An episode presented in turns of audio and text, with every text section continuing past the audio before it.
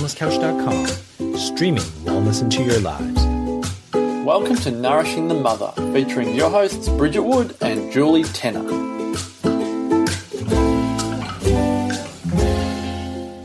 Hello and welcome to Nourishing the Mother.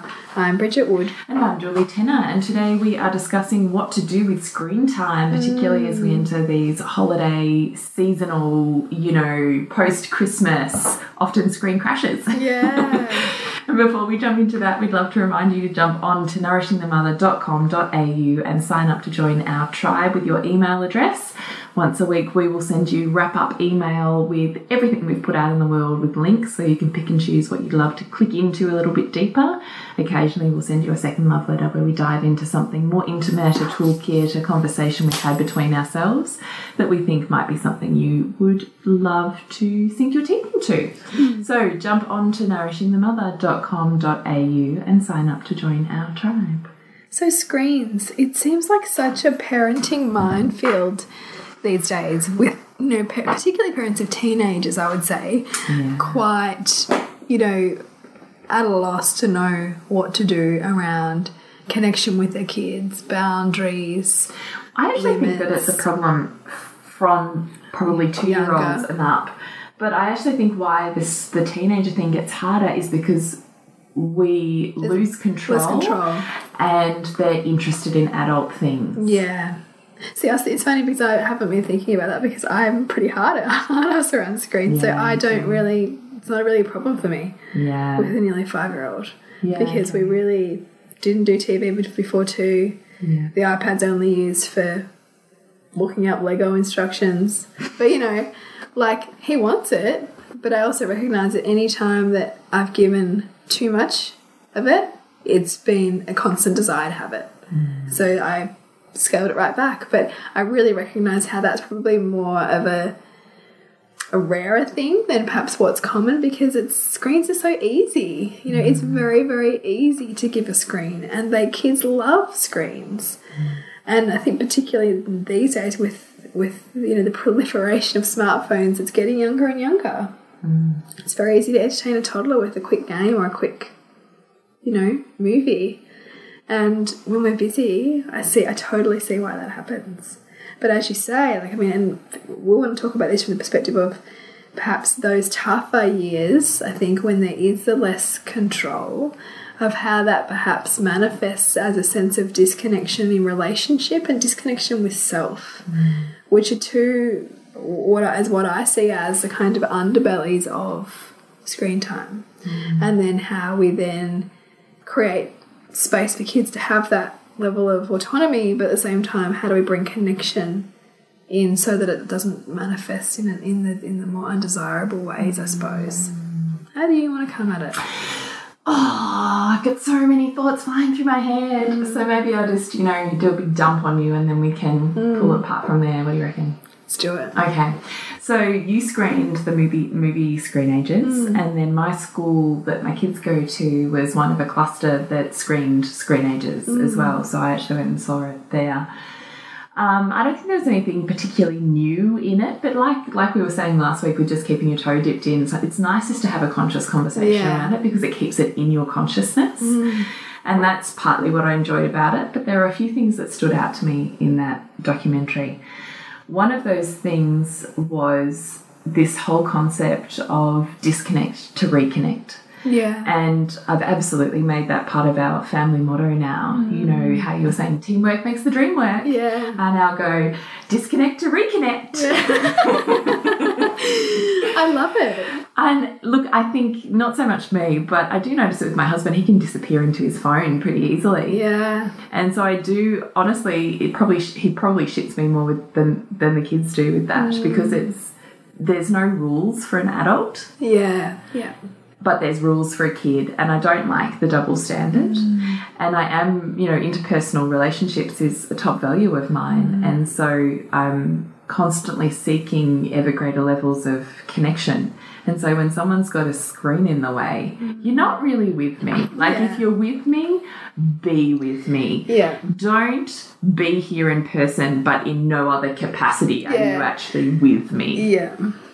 So I can't stand coffee where the phone's right next to you and we're checking our phone and we're jumping on da da da da da. Can't stand it. Mm. I just, you know, I don't ever feel like I'm really with someone if they're on their phone all of the time. So disconnect to reconnect. And the reason that really hit home to me too, it was the first time I'd really connected that the world's, you know, most profound companies in accelerating the curve of, you know, this revolution, Google, um, who else would there be? Apple, Facebook, all of these incredibly dynamic companies disconnect hmm. in order to create the very thing that you want to connect to Yeah. because they recognize that human potential, that genius, and that can, human connection is actually what fuels humans' capacity for imagination, Yeah. for creativity, and for well being. Hmm. And when I really made that connection, I went, holy fuck.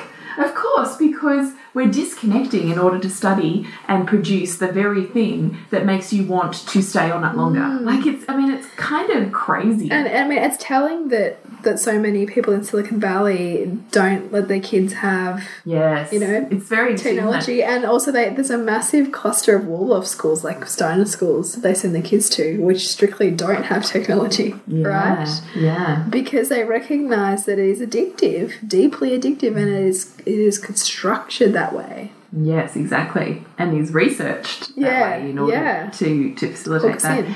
And so when I think about, you know, all of the virtual tours I've seen through, you know, Google and Facebook um, Mm. Headquarters. uh, headquarters, thank you. uh, All I can think about is the rooms they have with beanbags for people just to hang out, Yeah. and the exercise spaces, and the you know the pods where they you know Mm. meditate or chat to each other, or and I just keep seeing human connection, human connection, human connection, areas of total disconnection in order to facilitate our greatest potential and greatest ability to connect. Yeah, And it sits so deeply for me that it just that disconnect to reconnect makes so much sense mm. to me. Mm. And I think I felt like, you know, boom in that movie, it just kind of all Yeah. you know, hit me in one moment where I went, Oh my god, Yeah. yes. That makes so much sense. Mm.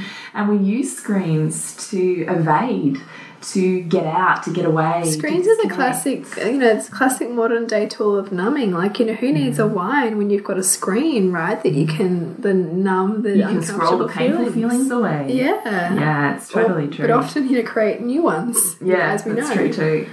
So I got that as a really big epiphany in that documentary, which you know to some extent altered just the intensity. I suppose I brought that within my family, or the mm. explanation I gave to my older kids around mm. why it was so important. Um, and the other bit I really got from it, which I found really incredibly interesting, was that there was one um, family that interviewed in that documentary whose child was, you know, a high achieving, you know, A grade kind of student, went to college and essentially got so addicted on screens because there was now no control because parents had Yeah. control that he ended up in what they now have in America, which is screen rehab centers, which I didn't even know existed. Pretty amazing, isn't it? Yeah, like pretty profound. Yeah. And so, you know, a few things hit home to me about that. One of them was the families that seemed to manage it really well had recharge stations, mm. and everybody plugged their phone or device into that by a certain time at night, or else it didn't get recharged and you didn't therefore have it the next day. Yeah. So we've set up a recharge station. Admittedly, it's a little bit, you know, ho hum at the moment. I want to work out how to make it more functional or stylized or whatever. But at the moment, everybody's devices, including my laptop and phone and everything, all go in one place. Yeah. And when they're not in use, they're in the one place. And by we don't have any screens after seven o'clock at night, mm-hmm. they're all in the one place. So, and I spent a lot of time talking to my kids about because then they thought, oh, well, we don't have screen time. We can jump on and do homework when I'm getting the younger two to bed. The older two could get on screen time because all homework is now done online. Yeah. You don't have it in homework books anymore. Yeah. And so we then had led on to conversations around no, you need a break from the blue light and the mm. stimulation of a screen at least an hour before you go to bed. Mm-hmm. But I have friends who send their kids to bed with a screen Yeah. or who, you know, text each other, night mum, on the phone instead of mm. coming up to say goodnight. And honestly, that terrifies me. Mm. I don't, we have an absolute rule of no screens in bedrooms. Mm. Screens, including, and that's why I, I won't actually, at this point in time, put a desk in my children's rooms because I don't actually want them secluded on a screen, which is exactly where all of their homework will be now. Yeah, you know, you start, true. you start on an iPad and a laptop now. You don't. They're even eliminating. They're eliminating textbooks. They're eliminating Wow. workbooks. Like it's all done online. It's all virtual. Communication with the school is all virtual. Mm. So I don't actually want my children in a room on their own on a screen that I have absolutely no awareness mm. and they have no capacity to, you know, think about what they're doing. You know, when they're completely locked away. Yeah. Yeah. So homework in my house is done in the lounge room or on the family dining table, and everyone can see the screen. And yeah, it's a little bit noisier, but I think that's okay too because if you're really focused, I'm happy for them to put headphones on with some music that they want to listen to if they need to chill out. Mostly it becomes like white noise in the background, mm. or it allows for the, the minute conversations, you know, the this, the that, that's, I'm mm. struggling with this, I'm not sure about that, you know, mm. and I get to stay in touch with with what they're doing because or else I would have no idea. Yeah, and it'd be so easy for them to just hold themselves up in, in their room. And, Completely. I Yeah. have no idea what they're watching, what they're exposed to, what they've accidentally clicked on. And I do check my browser history too. So we've got all the normal control stuff. Um, and I do check the browser history because occasionally my I it actually came up because I opened up um, must have I opened up Chrome or something and it must have hit back on the previous thing and this you know flashed up this kind of porno site with these enormously huge breasted women or girls young they were girls Yeah. on the screen. I was like, what the heck is this? And I went back in the history and I realized my son had been watching YouTube clips on, um, it was like this, you know, wildlife hunter, like crocodile man Yeah, kind yeah. of thing. And there was obviously an ad that had popped up. He's clicked on the ad and there's these bare breasted. And this is why I won't let my four year old watch YouTube on the iPad. Yeah, I get it. Like, I just won't. No, I really get it. but that's also why I expect that screens are in the vicinity that I'm in because I need to know what they're watching. Mm. And particularly on YouTube, they all love YouTube because they can find all of these virtual reality mm. kids. Like kids now are making their own YouTube channels. Like my daughter watches them all the time. There's one that does, you know, she like makes all these crazy food combinations and eats them, and another one that's like a contortionist. Yeah. Like they're super cool things Yeah, that and, they're and, watching. and that's the thing. There, there is some awesome stuff on the internet, but but I think you know, as we know as adults, sometimes our own level of self regulation leaves a bit to be desired. So, what hope do our kids have? No, that's exactly right. Anyway, so long story short, screens are not hidden anywhere. They're not. Mm. They're literally not allowed in bedrooms.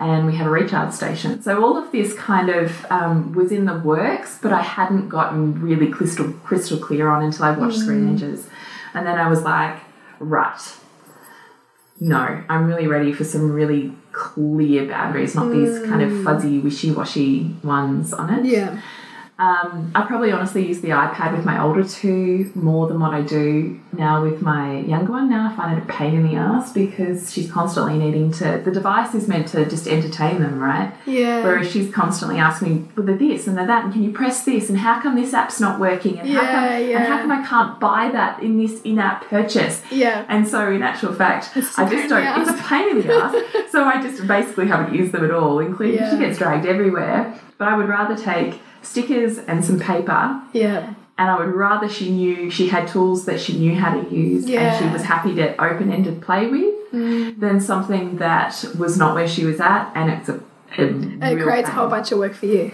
A whole bunch of work for me Yeah. and at the same time it's a screen just not using the same level of imagination that I perceive but I also want to challenge that because I do think screens can be incredibly educating as well so I'll give you examples of that so um, you know, I think there's the usual, you know, learning, you know, you're exposed to different things, different people, and different ways of being, and I think YouTube channels are part of that. My son, I know, is obsessed with watching um, NBA highlights or different kids doing different things, you know, in, in basketball scene, and I will literally watch him watch it and he'll rewind it and watch it again, and then he'll go outside and he'll practice, Practice it. it. And he's got his little, um, they've both got iPod touches now. And so he'll put it, you know, plonks it down, he watches it, presses pause, has a go at it, comes back to it, watches it again, presses pause, has another go at it. And so I Super can, useful. yeah, and then I actually saw him. He was obsessed with this Kyrie spin move or something like that, and I'd watched him for weeks work in the mornings doing it. Hmm.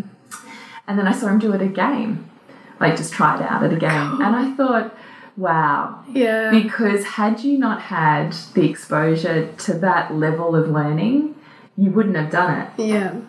And so there's also an area for screens. The kids at school now have got these things called Sparrows or Spheros. Have you seen those around? They're these little computerized um, little robot balls, basically. Uh-huh. You can get them in National Geographic. They're pretty cool. And so they're coding balls. So they're attached to an iPad with a program and you can code them. Ah. So you can code them to speak, you can code them to change color, and you can code them to run a track like a mouse track, like a maze. Oh, ah, cool. And so they're using them now in school to teach maths and to um, learn coding, but at the same time, you know, get it to all these different things. So they're, they're making like mazes in their minds that they work up and then they're trying to code it to make it do what they want it to do. Like super cool stuff. Yeah. And I think that's, you know, that's that's pretty inspiring and amazing. Um, and just as an ability to, to chill out, I think screens can be great just to chill out. I love watching a movie. I love knowing that, you know, I can be feeling a certain way and I can almost pick a movie or a program that will match the way I'm feeling and it allows an outlet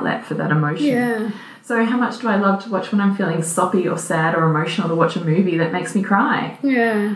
So, I think there's totally ways that screens add to our lives, but I don't think it should be unlimited. Mm-hmm. And I'm super strict on the times of it.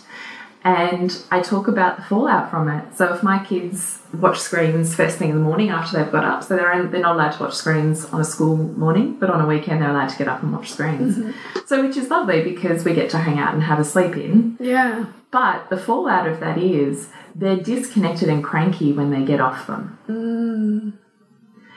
So, you know, often they're cranky when they've gone off, and we're like, well, this is why, right? Now you started your day like this and you're feeling like that. And that's because you've hit an overwhelm with the screens. You've got all of this input, and there's there's nothing that's kind of processing that and moving it through your mm. body. And and here we are with this state of being right now. You know, is mm. that really working for you? Mm. And then they're allowed screen time when they get home from school, assuming we're not out at extracurriculars. Actually, that was the other thing I was going to say about Screenagers. Was I think in recent years, in the last let's say ten years, there's been huge discussion around overscheduled kids. Yeah, there has been. Yes, but in Screenagers, they really made the point of, in actual fact, kids are not scheduled enough because it's the kids who don't have anywhere else to be that are on screens, mm. and they're the kids that are having issues. Mm. And I really think that, like, I have really now been particularly preteens and having lots of friends with teenagers. I pick everybody's brain because I would rather be handed the wisdom Yeah. and be, you know, pre Prepared Pre prepared, yeah, yeah. To, to know how, you know, what the, the spectrum of thought is on a mm. particular topic. And I often think the way to get through teenage years is to be so busy and to be so exposed to other forms of connection with other humans Yeah. that you're not isolated on your own in a mm. virtual world. Mm. And I would rather my kids were moving their bodies and interacting with humans mm. than at home on a screen. Yes. So they they are my thoughts. Where do you want to go from here? No, they're really relevant and big thoughts, and I think that that picks up on so many of the themes of that film. You know, how to practically implement, you know, different ideas and and get past, I suppose, the challenges that are in the way. What what really resonates for me, and I think about it in terms of um, perhaps women and girls um, and screens and social media, is is how much we don't realize we become shaped by the culture that we surround ourselves with, and how debilitating that can be, particularly, although it's true for boys too, but particularly for girls growing up and all of the images that they're exposed to. I mean, I can remember being, you know, not even with screens, with with Dolly magazine and with, you know, those kinds of magazines and the ideal that they held up. You don't even have to open them. All you have to do is walk down a, shop, a shopping centre Yeah. aisle and just see the covers on a magazine. Yeah. And already I feel like your reality is shifted. Yeah, and mm. so you know, I recognize how much that was influential on me. Mm. And you know, we have girls who are just spending every spare moment on Instagram and, and are mm. curating their feed based on bodies and lifestyles and you know these kinds of um, contrived versions of what success or beauty look like and i think that the danger is when that goes un, unchecked. Um, and and how we beyond simply the practical steps of what you've talked about in terms of limiting what we do to shore up self-esteem and self-confidence within kids to face the deluge of what the screens bring to them and bring into their world because that is the work that starts for the parents who are who have the babies, the toddlers, the preschoolers, the, the, the primary years who are listening, because that is the important work. Mm-hmm. Because we can do all we can around the house, you know, in terms of our own screen limits and things like that, but but that that the the child's inner world and their own self belief is going to always be what they come back to when they feel that they've gone too far down a road and and that I think is what we're constantly sort of seeking to understand and answer for ourselves, which is which is a much trickier um, place to get to.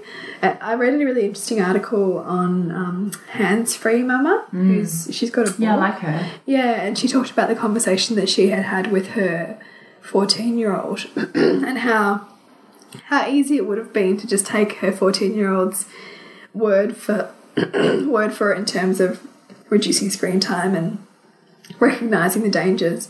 But she had in her head the story of a, another mother who recently lost a daughter to suicide and just thought, I'm not going to accept the comfort here of her words. I'm going to take it further and we're going to transform the dynamic here.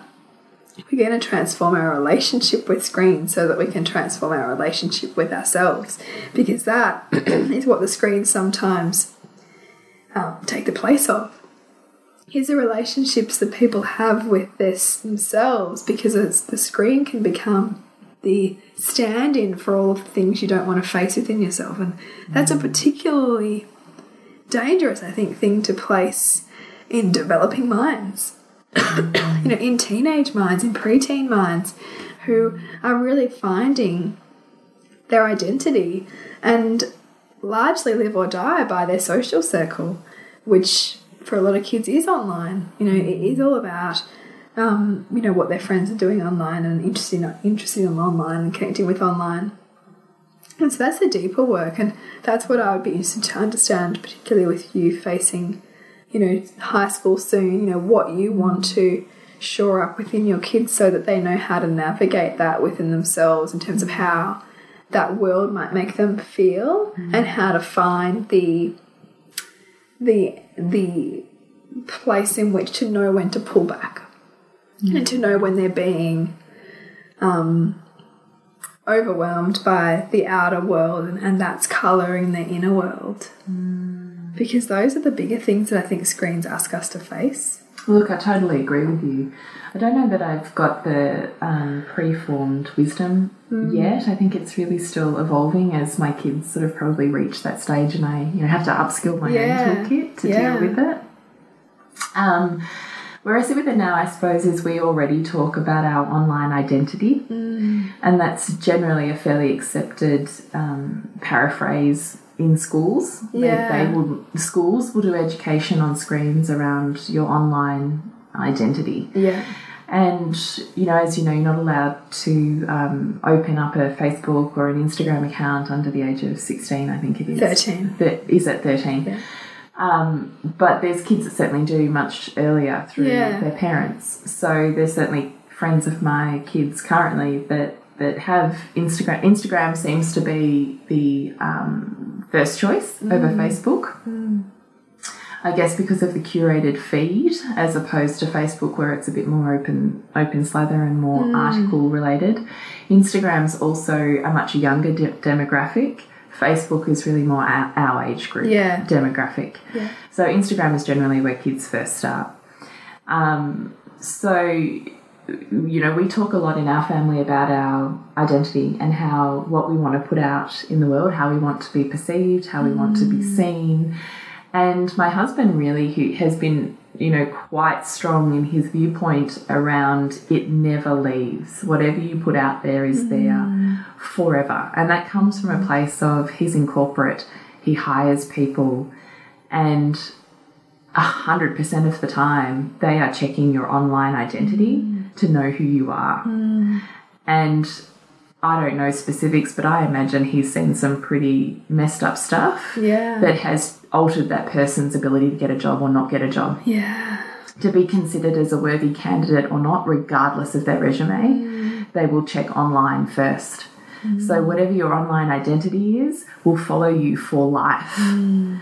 So, when you're coming to talking about, you know, um, cute, sexy pics online, Yeah. um, putting your sexual self out there, um, what you might say or comment on, or you know what parties, you know, scenes and things you might be on there. Like, I mean, it's already happening for us in our world. We there was a thirteen-year-old um, who's the brother of a friend of my son at his party, and you know his parents put out a flyer to the other parents saying it's twenty dollars a head for alcohol What? at thirteen. No way. Yeah, and this kid has an Instagram account and a Facebook account, and he put on there, oh, I wish I had a hooker right now. Like, so Oh I just think this whole virtual world, and look, plenty, I have plenty of, of friends who have old, in whose kids are friends with my kids who have older siblings who are teenagers, mm. and they're all talking about, particularly with girls, the sexy pic identity Yeah, right. is because now that curated feed, I mean, we've all seen it, right? The pouty lip, the hip mm. to the side, the above angle, they all work on their perfected selfie. Mm. And they're projecting a certain image. And there's a lot of talk around what does that image say to you? What does it mean to you? How do you mm. feel about that? How do mm. you want people to feel about you? and that you really talk about how do you want people to feel about you what do you want people to, to think and feel when they you know look at you and they resonate through this picture and you know mm. there's conversations there that i think are far reaching but i do think they like you're saying they start much earlier around that your worth is more than what you look like and that you are worthy of love. Mm. Because regardless of how it's happening that's all we're seeking mm. is to be loved Yeah. to be adored. Mm. And what if you can be loved and adored without needing to be anything other than who you really are?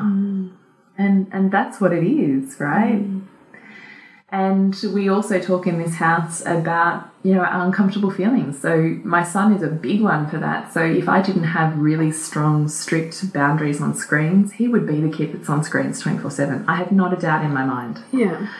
But because he has a frenzy and an intensity to chase the screens, it makes me pull back even tighter. Yeah, because you can see that. Because I know what it, yes, Yeah. it's like the you know I almost feel it's like a tantrum, right? It's it's like that that tantrum that hasn't quite ended, and so he's looking for the next fix and the next fix to just kind of keep it under control, mm. because it's far easier to do that and be you know entertained than it is to sit in the discomfort that's currently in my body Yeah.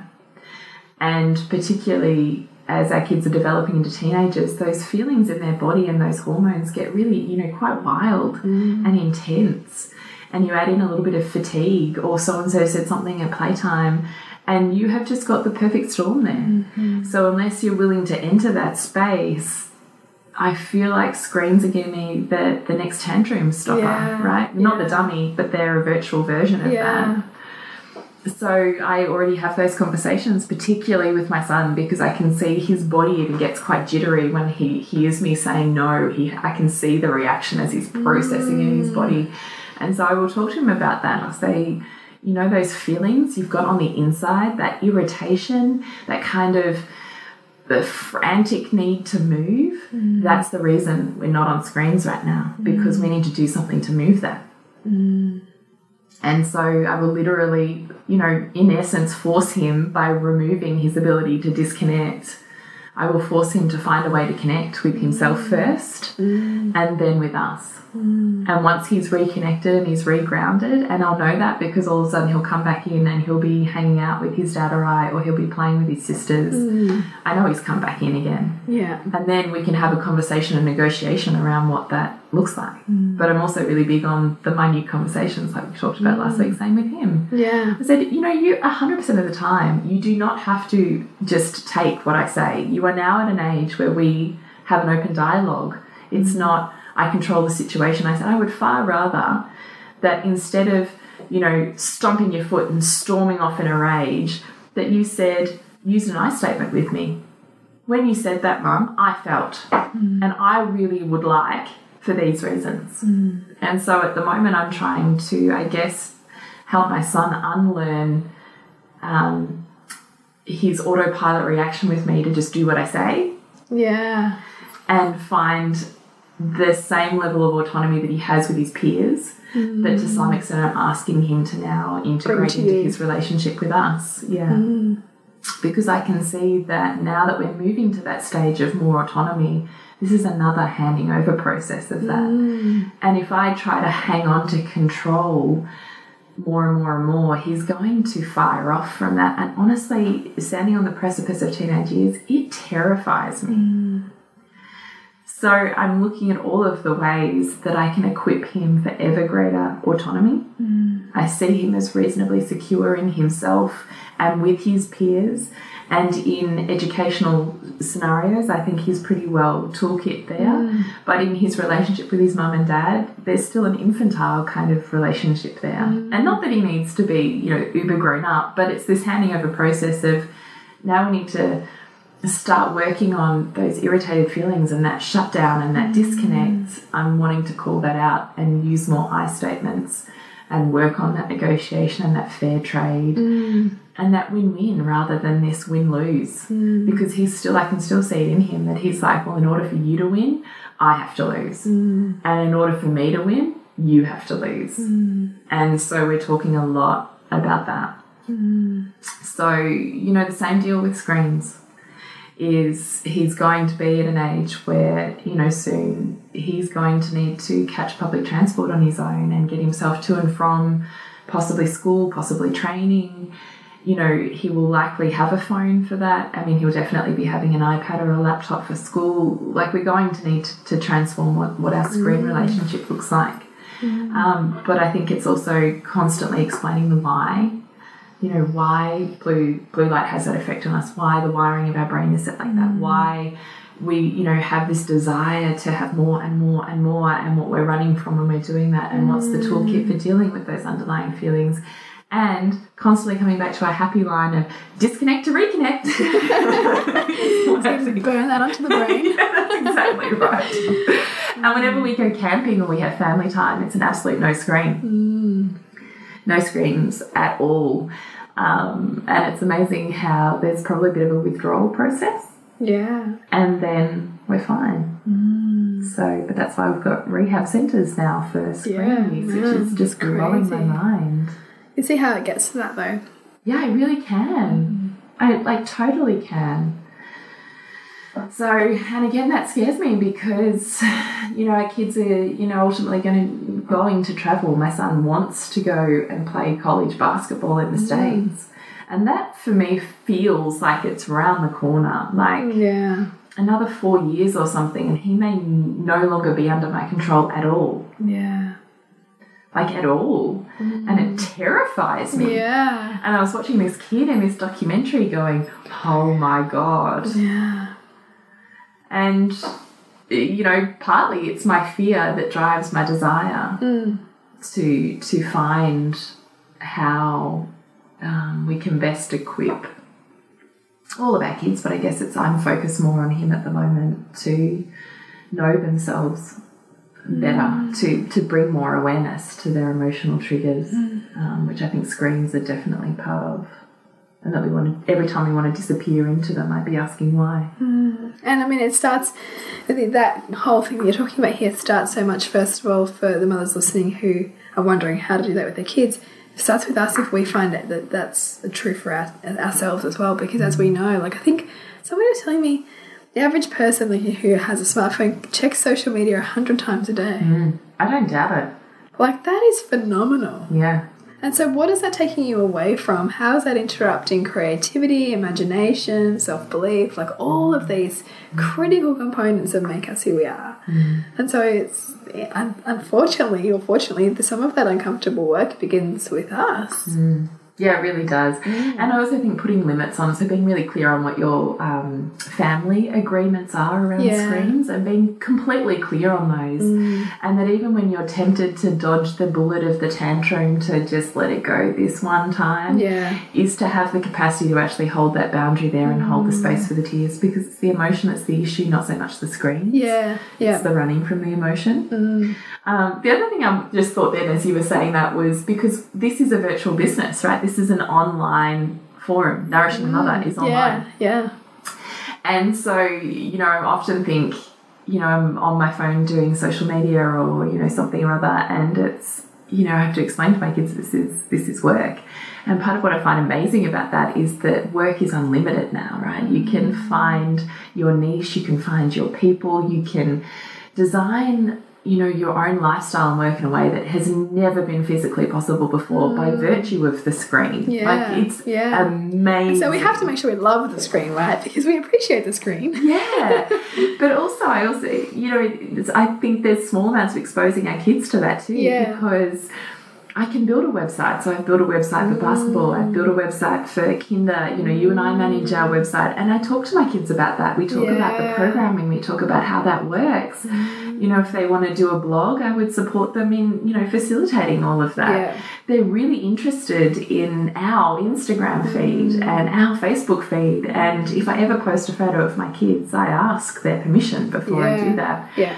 And largely, they're really interested in that. They want to understand that. They want to be part of that. They're, mm. you know, excited that they can be to some extent. So I also think there's huge gifts and conversations and the ability to explore genius like has never been possible before Yeah. by virtue of the screen.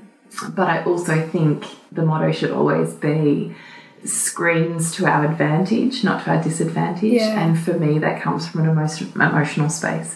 That if we're disconnecting emotionally from ourselves or others, it's a problem. Yeah. And if we're disconnecting, um, no, can't even think what I was about to say then. But that's my point. Yes. and it's a key one to come back to, and I think that, that kind of governs so much of why there is that screen addiction because it is an enormous.